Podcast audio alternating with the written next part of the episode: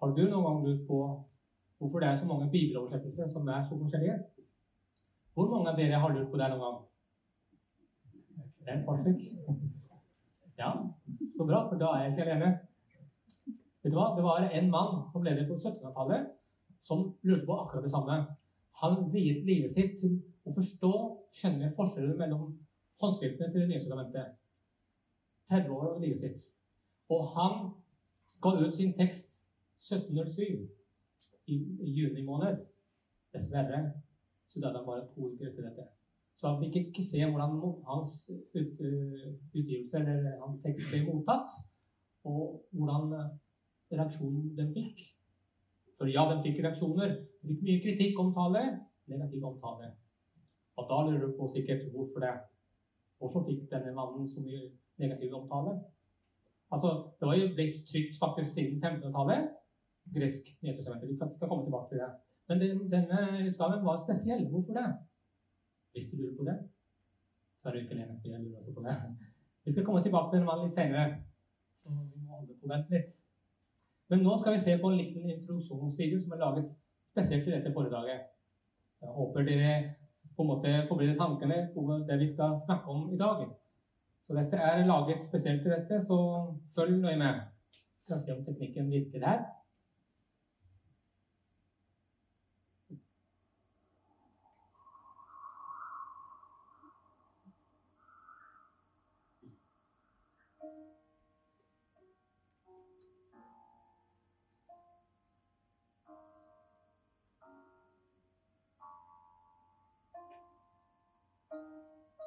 Det nye testamentet har hatt stor innflytelse på mange mennesker sinn og forståelse, og har blitt kopiert for hånd i århundrer.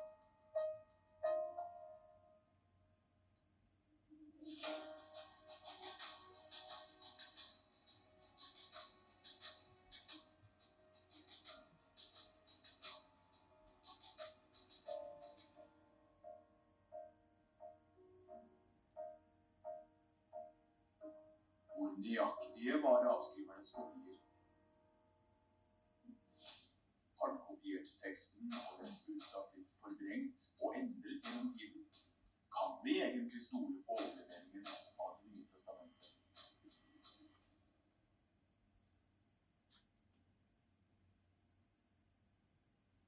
Ja, vil først takke for eh, de som har vært involvert i denne lille videoen. Det har tatt eh, en måneds tid å lage den, alt fra bunn. Musikken, eh, opptaket og skuespillere og redigeringa. Takker virkelig for innsatsen dere har gjort, eh, dere har vært involvert i dette. Men det belyser faktisk noe viktig, denne videoen. Historien bak håndskriftene.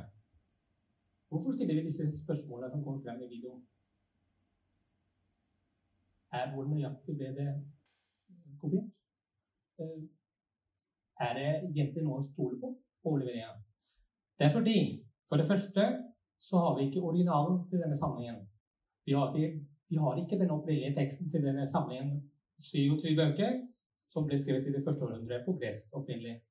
Unntatt noen bøker som forskere mener er skrevet på hebraisk. Men vi har ikke originalen. For det andre så har vi mange håndskrifter på gresk, nesten 6000 av dem. For det tredje så er det forskjeller mellom håndskriftene. Og da er det ikke noe rart at man stiller disse spørsmålene. ikke sant? Da er det, relevant.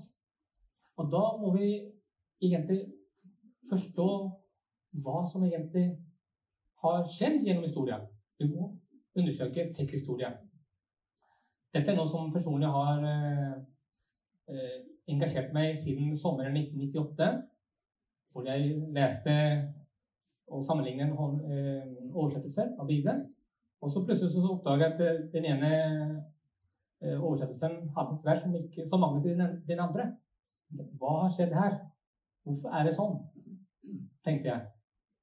Og da måtte jeg eh, se på dette nærmere. Men jeg begynte jo å ha masse tvil og spørsmål. Så jeg måtte undersøke dette. Og nå må si at det har vært en bratt kurve. Læringskurven har vært bratt, men det har vært veldig lærerikt. Det har tatt noen år før jeg har forstått helheten av det som er, ligger bak teksthistoria.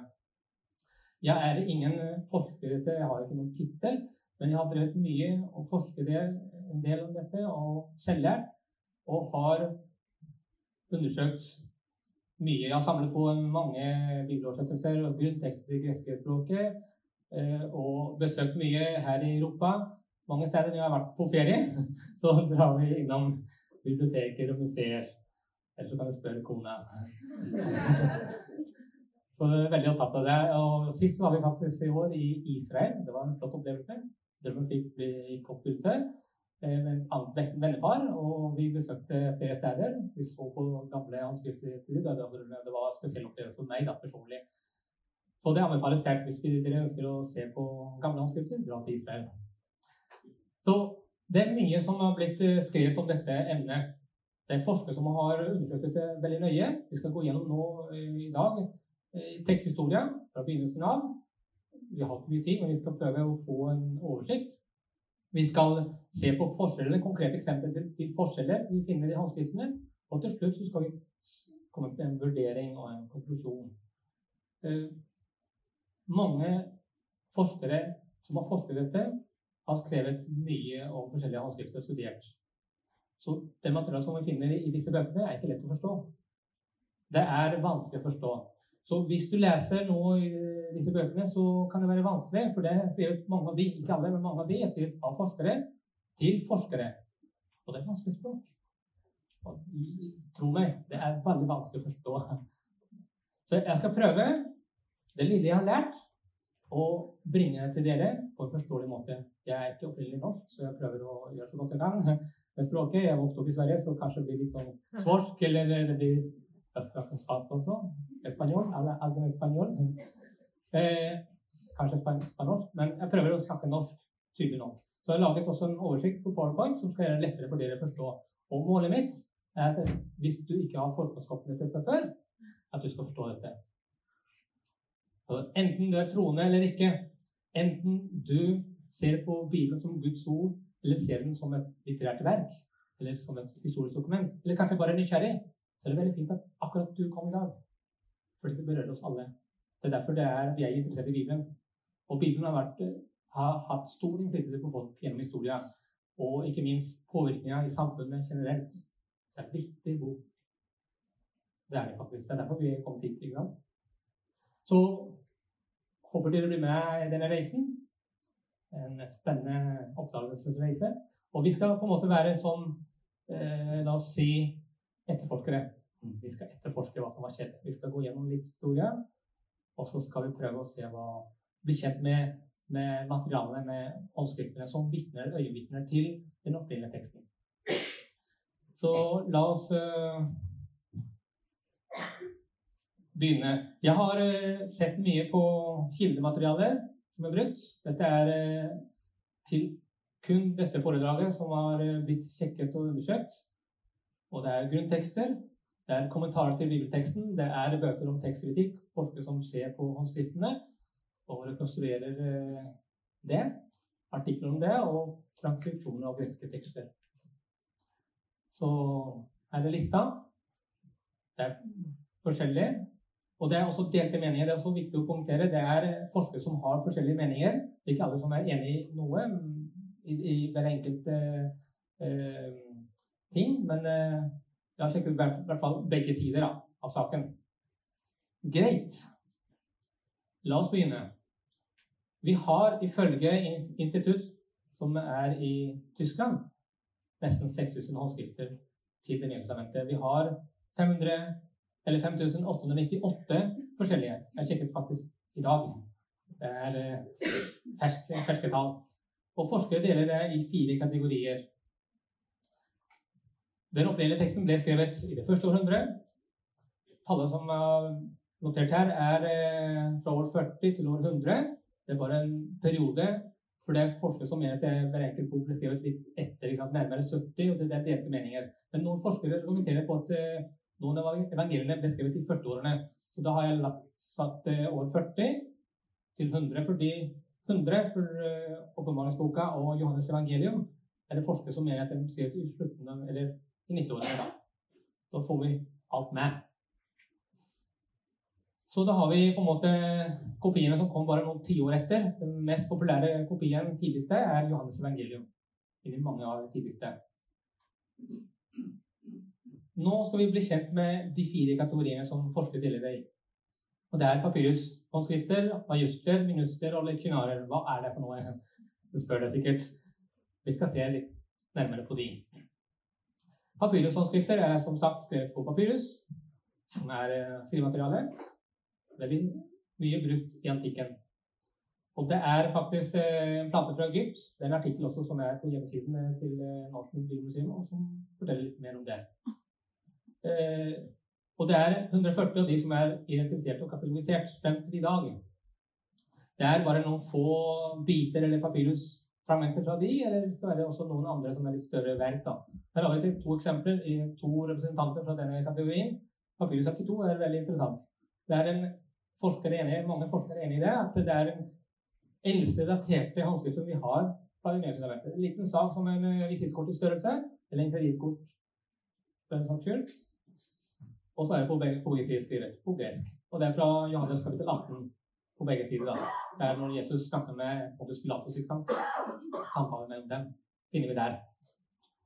Eh, den er interessant. Forskere, når de fant den, så undersøkte den nærmere. Og de kom fram at det er fra år 100 til år 150 og cirka, og noen forskere sier at det er midten av den perioden. Så i mange tekstbøker så finner du årstallet 125. Så har vi en annen, papyrus 46. Det har vi Paulus sine brev fra 200-tallet. Og den er veldig interessant også. Den mangler noen sider i begynnelsen og på slutten, men mange er intakte. Her er hebreerbrevet. Papyrushåndskriften er fra 2. århundre frem til 6.-20. århundre. Det mest eldste. La oss bli litt bedre kjent med papyrushåndskriftene. Her har vi samme papyrus 46 i større variant. Alt er skrevet store bokstaver uten mellomrom. Vi har sidenummer, vi har titteltekst, rettelser og det forskere kaller nomina sacra. Sidenummer. I dette tilfellet så er det eh, side nummer 41. My står for tallet 40, og alfa står for tallet 1. Kombinert 41. Så er, da kan forskere finne ut og vite hvor mange sider det er i hele kodeksen. Og en ting til, jeg glemte kodeks. Det er, eh, disse papyrusbladene er sydd sammen til en bok, antikkens bok, kodeks. Vi har også rettelser på de eldste avskriftene. Her er det noen som har skrevet eh, 'fedrene' i flertall. Patrasinen. Men så var det sannsynligvis det samme, eller navn, som tenkte at det, vi manglet et ord der. Våres. Da fikk jeg med det der. Fedrene våre det her. Og så kommer det som er interessant. Nomina sacra. Det er et latinsk ord. Nomina sacra betyr hellige navn. Det er i flertall. Entall er det nomen sacrum. Og det finner vi i de eldste håndskriftene til de kristne. Det er, her står det Gud. Se oss. Og det er i forkortet form for å skille seg ut. Du ser at det er strek over. Det er den første bokstaven og den siste bokstaven i ordet Theos. Og det finner vi i de eldste håndskriftene. Her er Seos i gammel skrift. da. Seos fire bokstaver forkortet til to med strek over nomina sacra. Og disse ordene skilte seg ut, og det finner vi i de eldste håndskriftene. Forskere har sett at det, er, det var, i begynnelsen var det fem sånne ord, forskjellige ord. Det var ordet til Gud, Theos, ordet til Herre, Kyrios, ordet til Jesus ordet til eh, Kristus, ordet til eh, Numa, som er eh, ånd, da, hellig ånd. Disse fem ordene var det som var brukt i de tidligste håndskriftene. Og så ble det utvida etter hvert til sønn, til Israel, Jerusalem osv. Men de tidligste har kun de fem. Og det er interessant. Da ble, har vi blitt bedre kjent med håndskriftenes forskjellige trekk.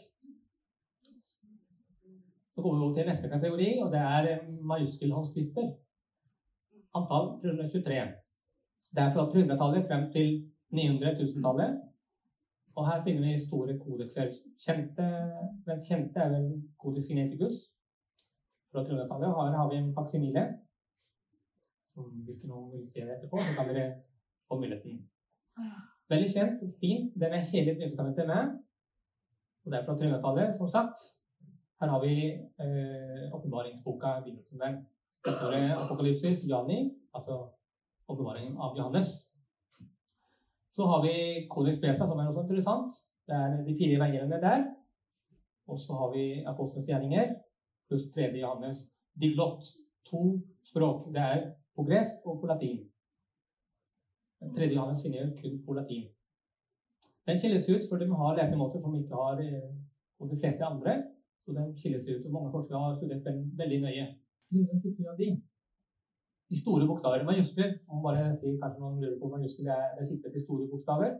For de beskriver de store bokstaver uten mellomrom. Men her har vi ikke papyrus, vi har dyreskinn. Pergament som er brukt. Helt solide, som varte lenger. Flotte, fine, store eh, håndskrifter. Her har vi Vatikanus, eh, også en replika av Sinaiticus. Neste kategori, minuskelhåndskrifter. Det er interessant. Mesteparten kommer fra den kategorien. Her har vi Skrifta ble utvikla gjennom tiden. Det var i kursivform, akkurat som i dag på norsk. Løkkeskrift, det ligner. Ligaturer, flotte håndskrifter med fine dekorasjoner. Selve teksten er her. Her er Matteus, ifølge Matteus, evangeliet. Og så har vi kommentert teksten. Det, ofte så finner vi det i ligaturen. Mye kommentarer rundt teksten. 1200-tallet. Og så har vi en annen minuskel nummer én, som det kalles.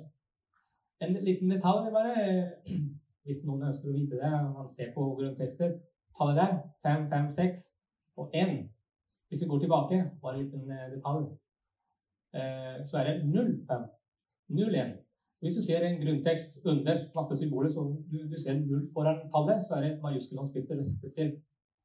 Mens hvis det er bare selve tallet, så er det minuskelhåndskrifter det. Eh, det er fra ja, 900- til 1000-tallet frem til trykkpressen. Trykkpressen i Gutenberg, som vi ser her en, en replika av. Det var i 1455. Men vi må huske en ting, en parentes, som var litt vann.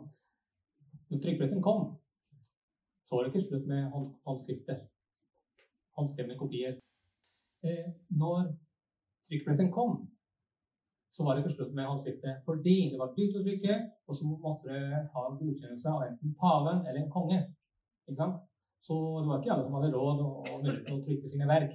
Da var det noen håndskrifter som fortsatte. Vi har også håndskrifter etter at trykkpressen kom. Altså det er sagt. Greit.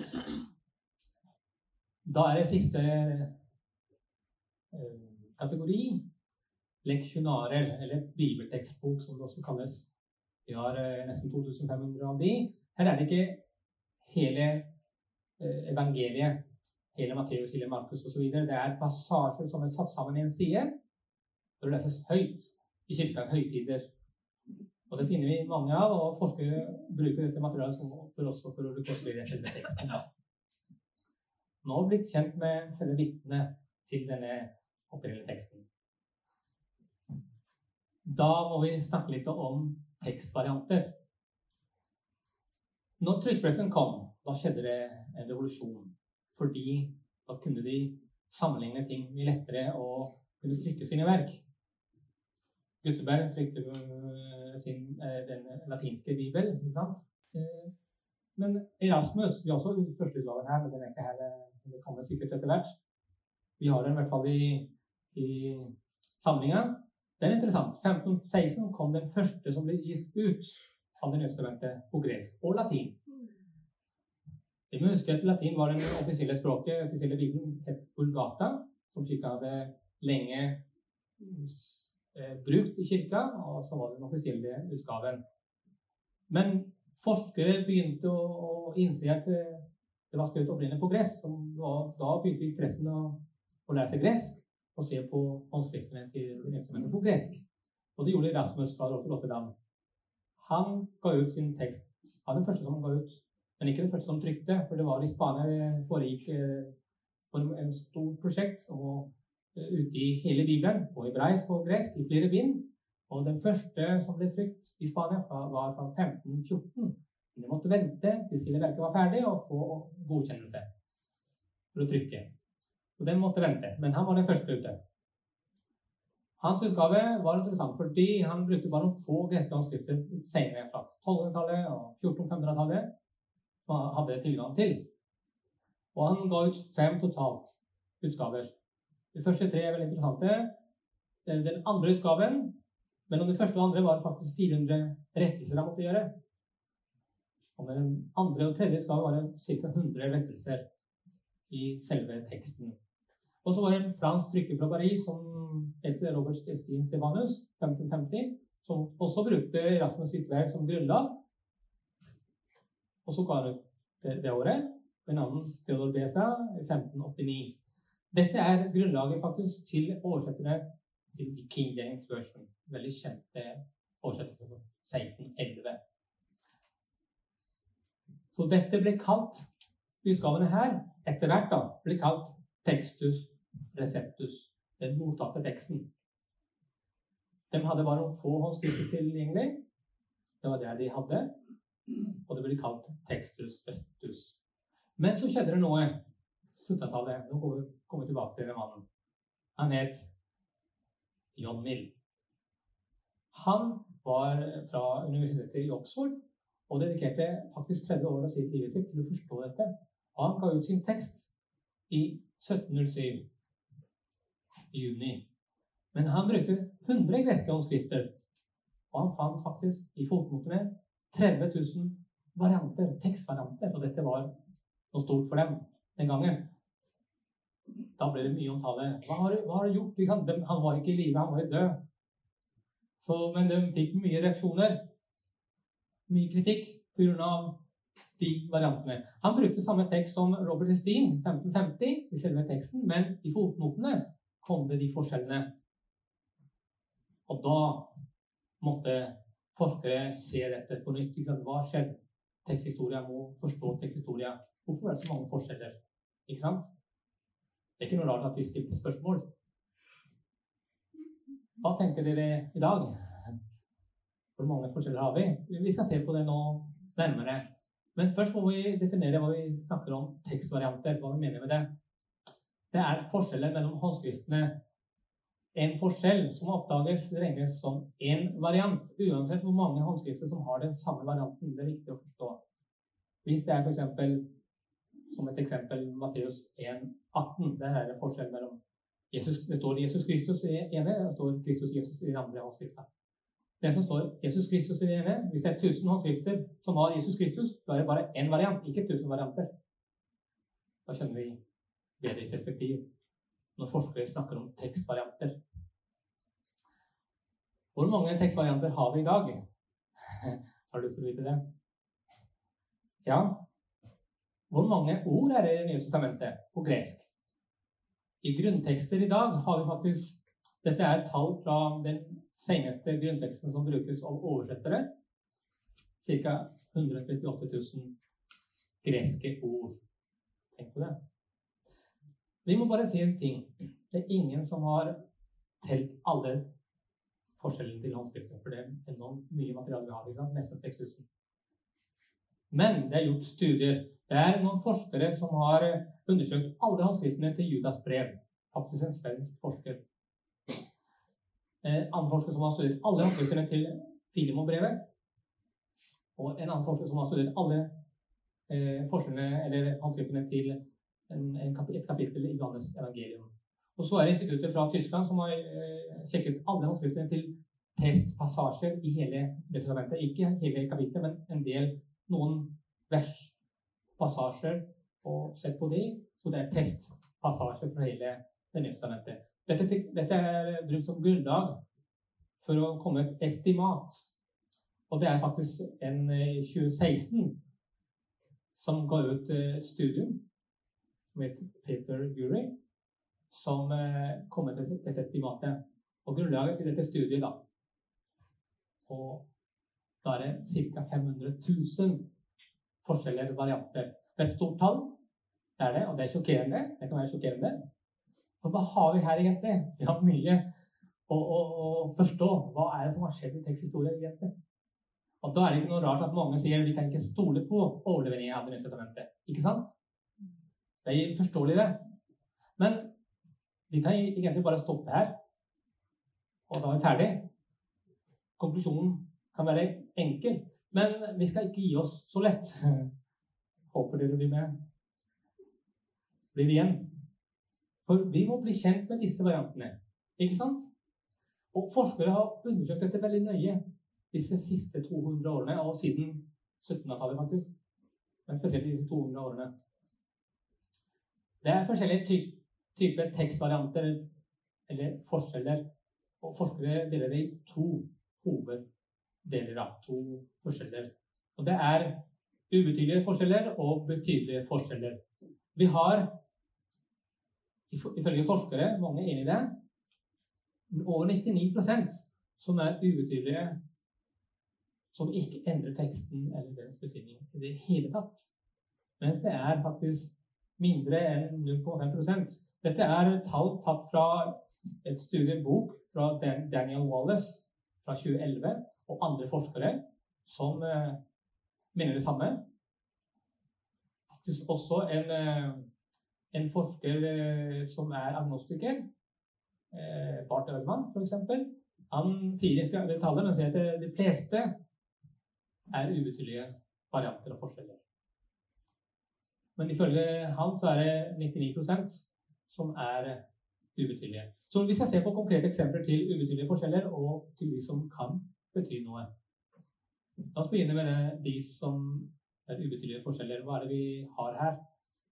Det er forskjellige stavemåter. Ordet Johannes kan staves litt forskjellig på gresk. Det er ikke noe forskjell på hvem vi snakker om. Ikke sant? Samme med den greske bestemte artikkelen. På, gresk, på norsk er det innbakt i selve ordet. ikke sant? Bilen er et ord innlagt i bestemte formen der, men eh, på gresk og på spansk og på, eh, på engelsk så er det et eget ord. Hvis man har en eh, foran navnet eller ikke, det har ikke noe forskjell, egentlig.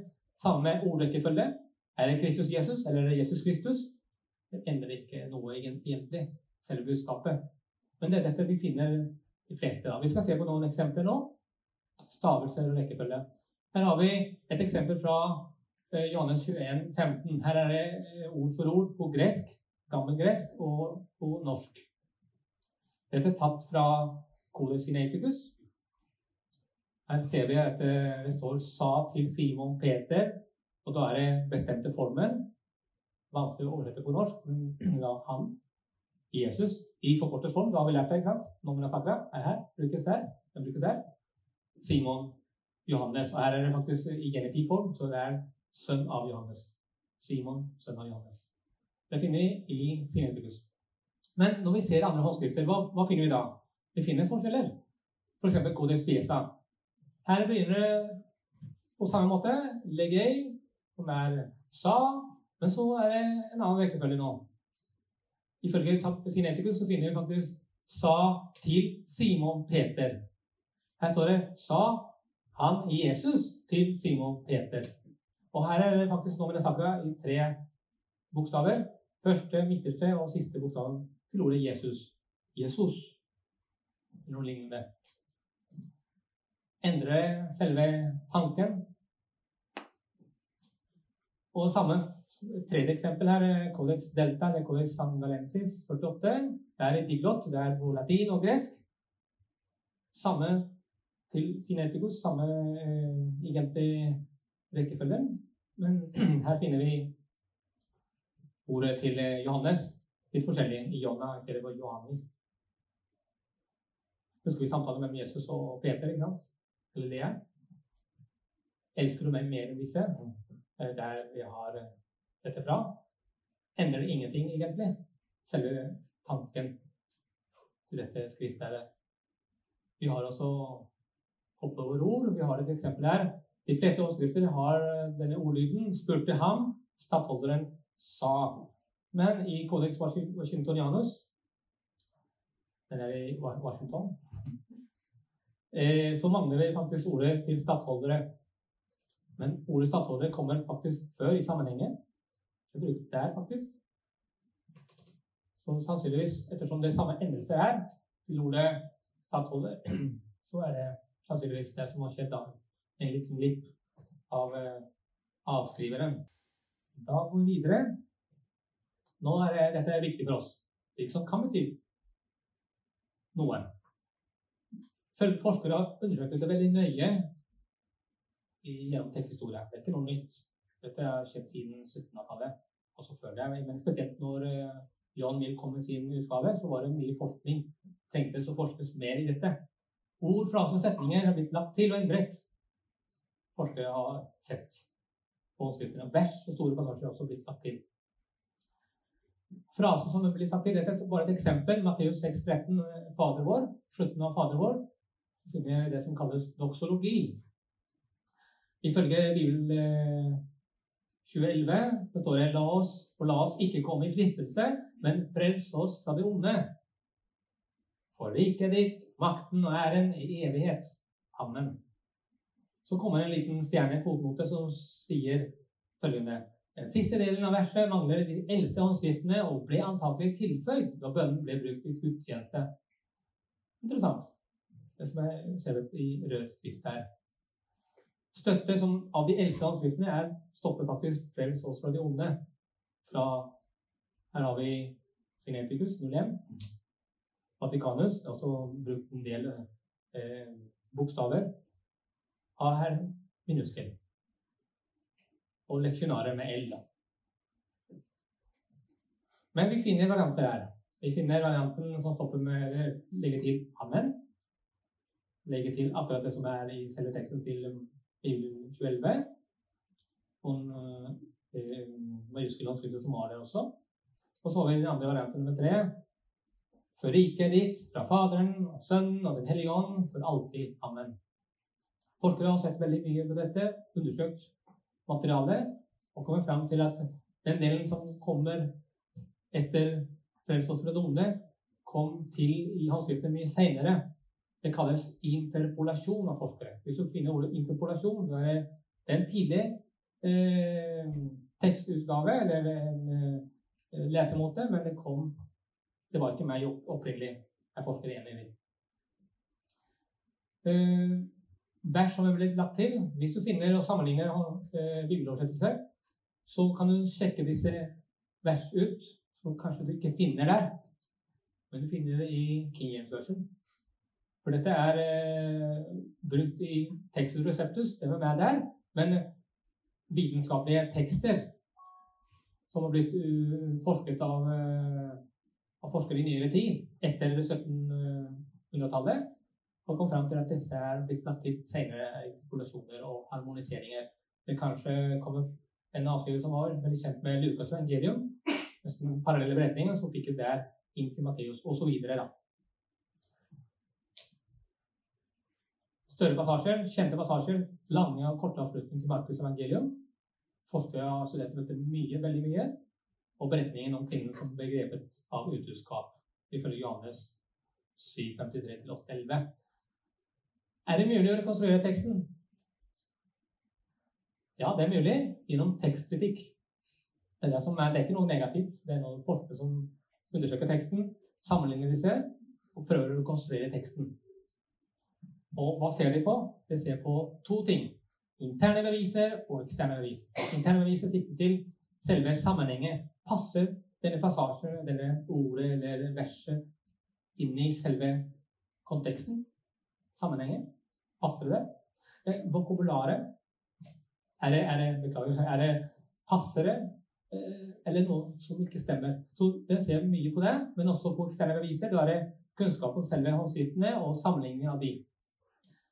La oss se et konkret eksempel. Vi skal nå gå inn mer i dypet i dette, denne beretningen som er veldig kjent. Beretningen om kvinnen som blir grepet i ekteskapsbrudd, som er med i Johannes evangelium.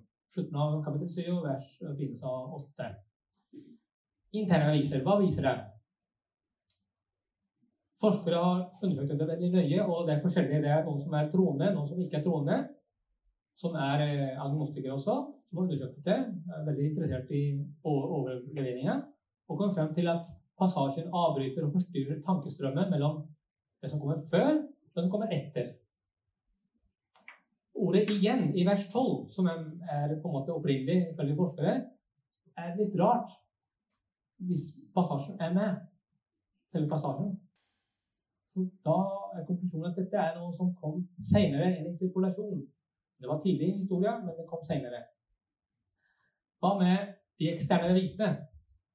Hva viser de? håndskriftene. Passasjen finnes ikke i de eldste håndskriftene. Vi har eksempel her, papyrus 66 av Johannes Evangelium fra 200-tallet. sånn cirka. Mente det kanskje kan bli skrevet litt senere. B66. Eh, papyrus 75 ikke med, og så videre. Sinaiticus var ikke med der. Og Vatikanus, og så videre. Passasjen er i forskjellige steder på en del håndskrifter også, med forskjellige varianter. Vi finner noen minuskule håndskrifter etter Johannes 736 i en familie av minuskule håndskrifter, familien minuskel 1 og andre, etter Johannes 21-25, slutten av Johannes evangelium. I en annen familie, familie nummer 13, det er minuskule håndskrifter 13 pluss andre, etter Lukas 21-38 og minuskel 13-33 etter Lukas 24-53. Det viser at eh, passasjen har vært en flytende passasje som har prøvd å finne plass i evangeliene. Flere håndskrifter signaliserer at passasjen ikke er autentisk også. Jeg har vi de to der som et eksempel. Papyrus 66. Her har vi eh, kapittel 7 i dag, og vers 52. Og så begynner det som i dag er eh, kapittel 8, vers 12. Vi finner ikke passasjer med de eldste. Samme her, er mangelfull. Men vi finner ordet pa, som er pallin, som er igjen. da. På gresk pallin. Det ser tydelig at det er pa. Ikke sant? Så den viser tydelig at den ikke er med. Den er i Vatikanet, hvis vi ønsker å se den her. Fra 200-tallet. Sineticus, det samme der. Har vi faktisk faksimile der. Det kan du se. Jeg tror det er åpen på den sida, tror jeg. Samme der. Passasjene er ikke med. Vatikanet, Vatikanus Dette er tatt fra Vatikanet. Side. Det dette er online. Du kan se. Hvis du ønsker å interessere deg i dette, kan du gå online til Vatikanus kodeks. Tror du kan bare søke. Den er ikke der. Konklusjonen er at denne passasjen kom senere enn interpolasjonen, mener forskere. Men da er det viktig å forstå versinndelingen. Versinndelingen er noe som er til stor hjelp for oss i dag. ikke sant? Når vi finner og skal søke og skal sammenligne og kanskje snakke med noen om, om Bibelen og forskjellige vers noen slå opp, ikke sant? kan du slå opp der i Johannes eller Matteus 7 og sånn videre. Kapittel 7 vers og sånn og sånn. Når kom det?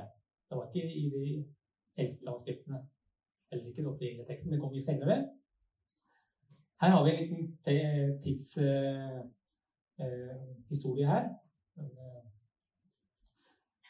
En, en, en, måte å forstå det i, i en oversikt. Erasmus' utgave var ikke noe versinndeling. Den kom faktisk i 1528. Santes Pagninus var en italiener som prøvde seg å lage system. Han skjønte at vi måtte ha noe system for å gjøre det lettere å og sammenligne mellom, mellom de trykte bilene. biblene. Men det var litt rotete, så det ble ikke mottatt. På en måte standardisert. Men den franske eh, trykkeren Robert Estin Stefanus, 1551, eh, prøvdes på et nytt system, og den ble standardisert. Vi skal se på bildet nå. Førsteutgaven til Erasmus på gresk. Masayo. Det er ifølge Matteus på gresk. Og så har vi samme på latin. Har vi i romerske tall kapittel 7 ikke noe versinnledninger. Det kom seinere. Her har vi Pagninus som prøvde seg.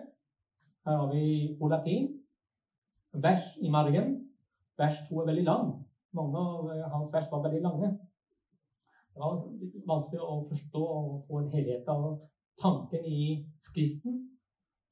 Han gjorde noe lignende, men litt kortere versjon. og Her har vi faktisk i margen i 1551 Matteus 7 på latin, på gresk, for å gjøre det lettere i margen. Ikke sant? Men så tenkte han det, det skal bli lettere å få det i selve teksten. Og det gjorde han i 1555.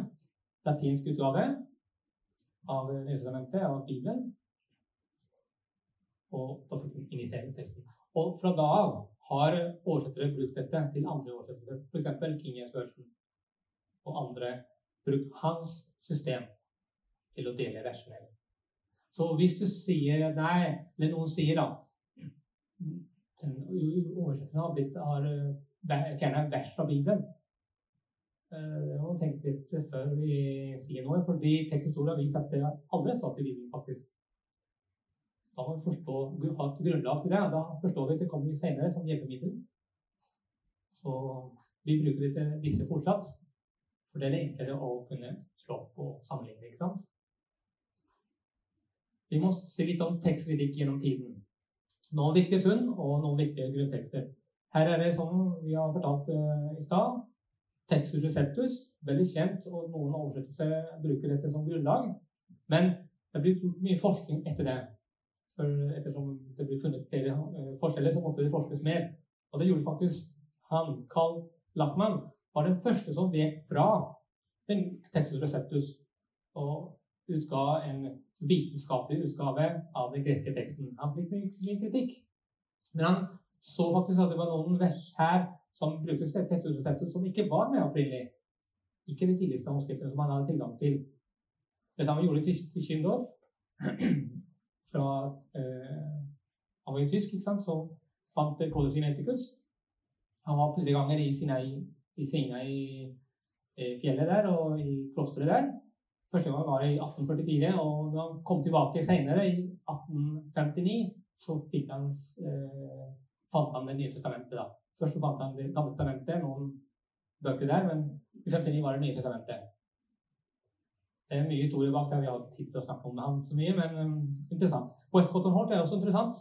De uh, hadde som grunnlag Codus Sineticus og Codus Vaticanus, og andre, da, men spesielt de to, og rekonstruerte teksten og brukte de som grunnlag. Og da virker det ifra Textus Receptus. Da er eh, mye av de tekstene som er i tvil, i klammer. F.eks. det som vi så nå fra kvinnen grepet i utroskap. da. Den er i klammer. Det viser det er tvil. Det var ikke de tidligste håndskriftene. De funnet som interessant Codus Geneticus, men også Oxyrhynchus papyrus fra 1897. Det var to engelskmenn som het Granfield og Hunt, som dro fra England til eh, Egypt på ekspedisjon. Og de fikk undersøkt og gravd frem flere papyrushåndskrifter, biter. Og frem til da har ikke alt blitt undersøkt. For de fant masse, og det var sånn pusler. De måtte mm, ja, eh, sette sammen alt sammen, hele materialet. Så det er mange ester fortsatt i Oxford i, i, i England som ikke har blitt undersøkt. 500 000 forskjellige papyrushåndskrifter fant de, da. Men det er eh, den første som ble funnet, en av de første var i 1897, og det var fra Matteus evangeliet. Det blir kalt papyrus 1.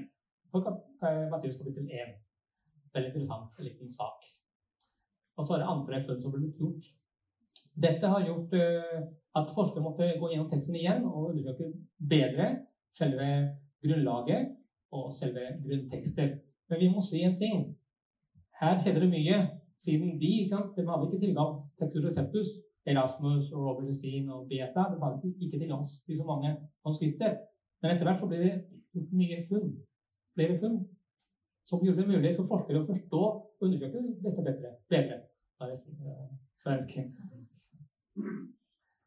Og da har det blitt gjort mye forskning og kommet frem til at dette var opprinnelig ikke meg, da. Det som vi har litt sett nå. Og det nyeste er det som kalles Nestle Allen-tekst i forskjellige utgaver. Den siste utgaven er fra 20, eh, 2012, og en annen fra eh, United Bible Society, som er fra 2014. Som brukes av oversettere i dag. Hvordan ser en sånn eh, eh, tekst ut? Her har vi tekst fra Judasbrevet. Sånn ser den ut til forskere. Det er bare gresk for meg, sier noen. Og det, er sant, det stemmer. Jeg skriver ut. Her er selve bildeteksten er oppe her. Det er teksten til uh, Judas. Så har vi kryssanvisninger, og så har vi tekstkritiske notater nede. Dette er grunnlaget for oversettere å forstå hva som har skjedd. Og da må man ha forkunnskap om det. Men hva er konklusjonen da, egentlig, når vi ser på teksthistoria som en helhet? At teksten har blitt oppbevart gjennom tiden. Ja, det er gjort endringer, rettelser her og der, men mesteparten av de er ikke noe som endrer i det hele tatt budskapet. Vi må huske en ting også. Det ble skrevet på gresk, det, det materialet vi har i dag. Men Jesus snakket på semitisk språk. Det kan være at han snakket hebraisk eller arameisk. Så det blir, det, dette er en oversettelse. Men ifølge når man ser evangeliene, så ser vi flere passasjer at dette budskapet måtte bli ut til folk mange forskjellige språk. Så det var selve budskapet som var viktig å nå ut. Og det finner vi faktisk i evangeliene. Budskapet skal nå ut til folk. Så interessant tanke. Den er en oversettelse. Men det vi har i dag, det er. Hvis vi ser i Markedsevangeliet f.eks., så ser vi at han sier, han sier, noe fra Jesus i semitisk språk, og så sier det betyr sånn og sånn. Sier Markedsevangeliet ofte, finner vi faktisk. Interessant. Men konklusjonen er at vi kan stole på den overleverte tekst. Det er ikke noen tvil om det. Det er mange forskere som er inne i det. Det er noen forskere er ikke inni det. Men flesteparten er enhet vi kan stole på overlevering av teksten som et historisk dokument. Den har blitt overlevert gjennom tiden, trofast, og det er mulig å oppdage de feilene og de forskjellene som har blitt gjort gjennom historien, gjennom forskningen som har blitt gjort. Men vi kan si med overbevisning at vi kan stole på den overleveringen av